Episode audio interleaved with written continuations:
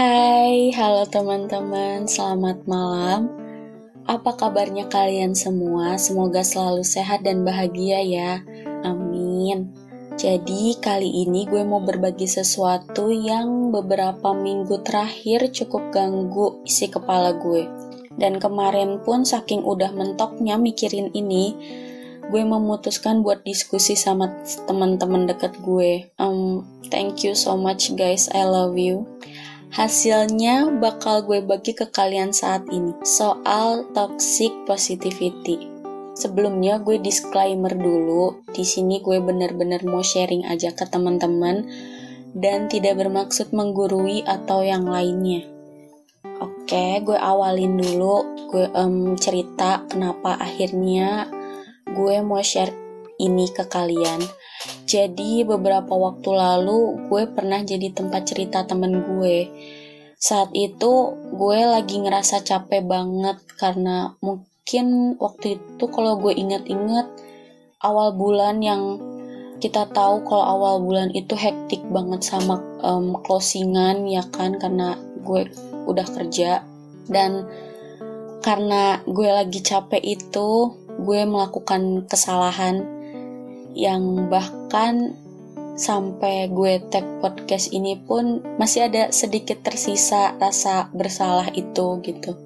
Um, ketika teman gue cerita tentang kesedihannya, gue malah bilang ke temen gue gini, kamu harusnya belajar bahwa nggak kamu aja yang capek, semua orang juga capek. Kemudian ditanggepin sama temanku dengan, aku ngomong kayak gitu bukan berarti aku ngerasa hanya aku yang capek. Lagian aku juga nggak butuh pembanding apakah hanya aku yang capek. Oke, dari situ gue minta maaf. Gue tahu gue salah karena nggak seharusnya gue ngomong gitu.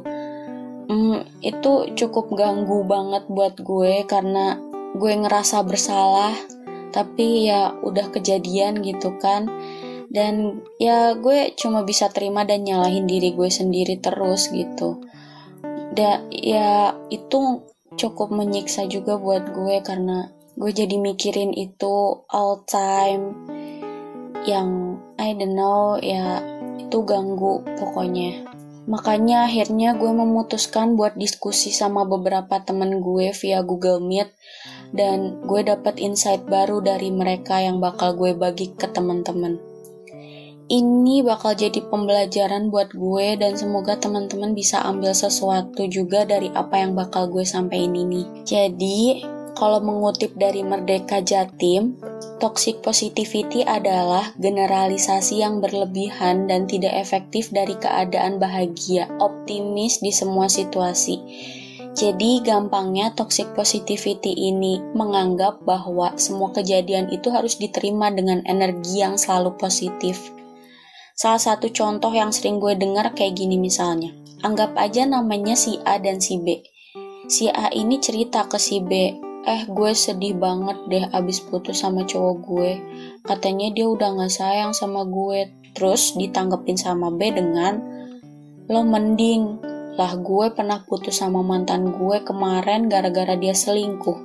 Kalau udah kayak gini kita kayaknya sepakat bahwa itu toxic positivity. Si A yang mau mengurangi rasa sedihnya malah jadi kayak perlombaan sama si B buat jadi siapa yang paling sedih.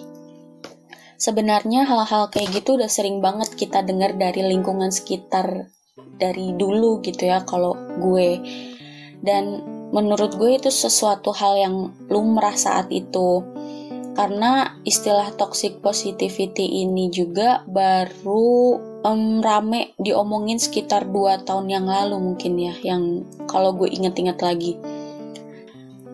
Seringnya orang mikir kalau misalkan dibandingin dengan yang lebih parah si pencerita ini bisa lebih ngerasa bersyukur maksudnya baik sebenarnya biar nggak ngerasa sedih lagi tapi yang nggak kita tahu ap, hmm, tapi yang nggak kita tahu adalah emang iya si pencerita itu jadi lebih baik dan yang perlu dimengerti toxic positivity ini itu nggak ada tolok ukurnya atau indikator atau batasan-batasan tertentu untuk bisa menyebut seseorang itu melakukan toxic positivity.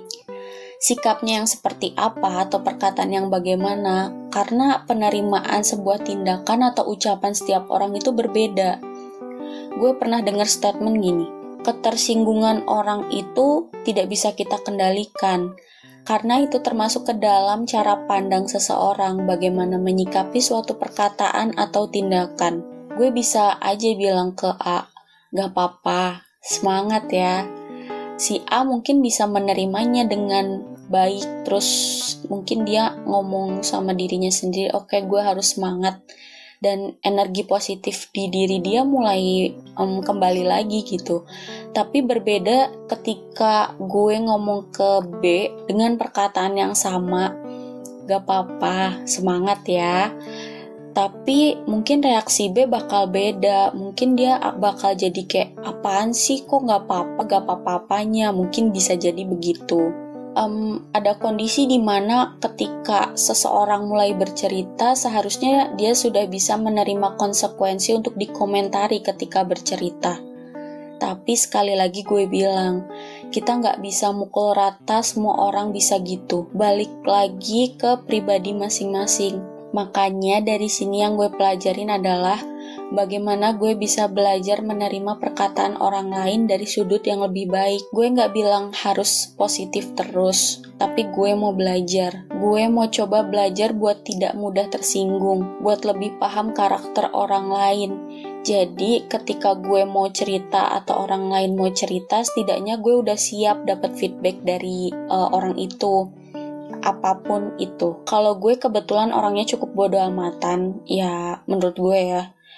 Gue nggak begitu memikirkan omongan orang lain, apalagi yang bikin gue sedih. Mungkin gue pikirin tas, tapi sebentar aja gitu, nggak usah lama-lama. Sedih itu wajar teman-teman. Wajar banget, teman-teman punya energi negatif kayak marah, kesel, sedih, nangis, kecewa, itu wajar banget itu normal dan harus dikeluarin. Terserah mau teriak atau mau dilampis, dilampiasin dengan makan pedes, karaokean, atau sholat dan zikir kalau misalkan teman-teman muslim, apa pun itu self healing yang cocok buat teman-teman. Jangan dipendem ya. Tapi hal ini nggak boleh keterusan karena pasti berujung overthinking dan akhirnya energi negatif tersebut terus ada dan malah kalah sama energi positif yang teman-teman punya. Gak segampang kedengerannya, tapi pasti bisa. Apa kalimat tadi termasuk toxic positivity? Itu tergantung teman-teman. Bagaimana menerimanya. Gue tahu hal ini bakal masih jadi perdebatan mungkin dari teman-teman dan bakal gak habis-habis kalau dibahas jadi kalau emang teman-teman masih ada yang mengganjal setelah dengar ini atau nggak terima atau ada masukan buat gue, boleh bilang aja ke gue gitu kan. Teman-teman yang mutualan sama gue bisa chat via apa pun, mau Instagram, Twitter, WhatsApp boleh. Atau kalau emang teman-teman mau cerita yang lebih panjang bisa email ke gue di Hai selena.podcast@gmail.com. Gue rasa cuma itu yang pengen gue sampaikan. Semoga tersampaikan dengan benar dan maksud um, yang benar juga.